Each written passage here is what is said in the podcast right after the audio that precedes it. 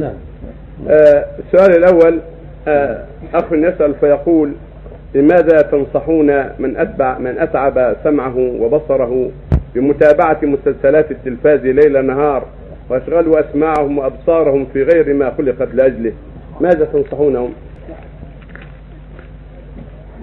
التلفاز والإذاعة والصحافة هذه وسائل الإعلام فيها خطر عظيم. وقد ابتلي بها كثير من الناس. وشغل بها كثير من الناس. وقد حصل بها خطر عظيم وفساد كبير لبعض الناس. فنصيحتي لكل مسلم ولكل مسلمة الحذر. وأن لا يأخذ منها إلا ما ينفع. وأن يحذر ما يضر. وأن يكون كالذي يمشي على الشوك. يلتمس لقدمه السلامة. لا يضع قدمه إلا في المحل السليم. ولا يضع بصره إلا في المحل السليم. ولا سمعه إلا في المحل السليم. فليسمع ما فيه خير من القرآن أو أحاديث دينية أو أسئلة دينية وجوابها أو ما أشبه ذلك مما ينفعه في العاجل والآجل.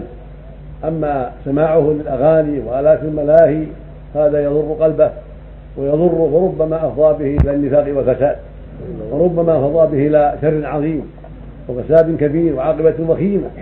فليحذر سماع هذه الأغاني والملهيات وسماع الحكايات الفاسدة وكذلك النظر إلى المسلسلات الضارة التي فيها مرض القلب وفيها فتنة في النساء أو بالأغاني أو ما أشبه ذلك مما يضر. فالمؤمن ينظر لنفسه ولا يوقعها في الخطر بل ينظر لها فإن كان ما يسمعه أو يشاهده ينفعه لأنه مباح لأنه طاعة لله وإلا فليحذر وليبتعد عن أسباب الخطر ولا يخاطر بدينه ولا بنفسه. لا لا مع التلفاز ولا مع الإذاعة ولا مع الصحافة ولا مع الفيديو ولا مع غير ذلك من من سائر ما يعرض ومن سائر ما يسمع ومن سائر ما يقرأ. الواجب الحذر والواجب تقوى الله في هذه الأمور فإن هذه برية ابتلي بها الناس في آخر هذا الزمان.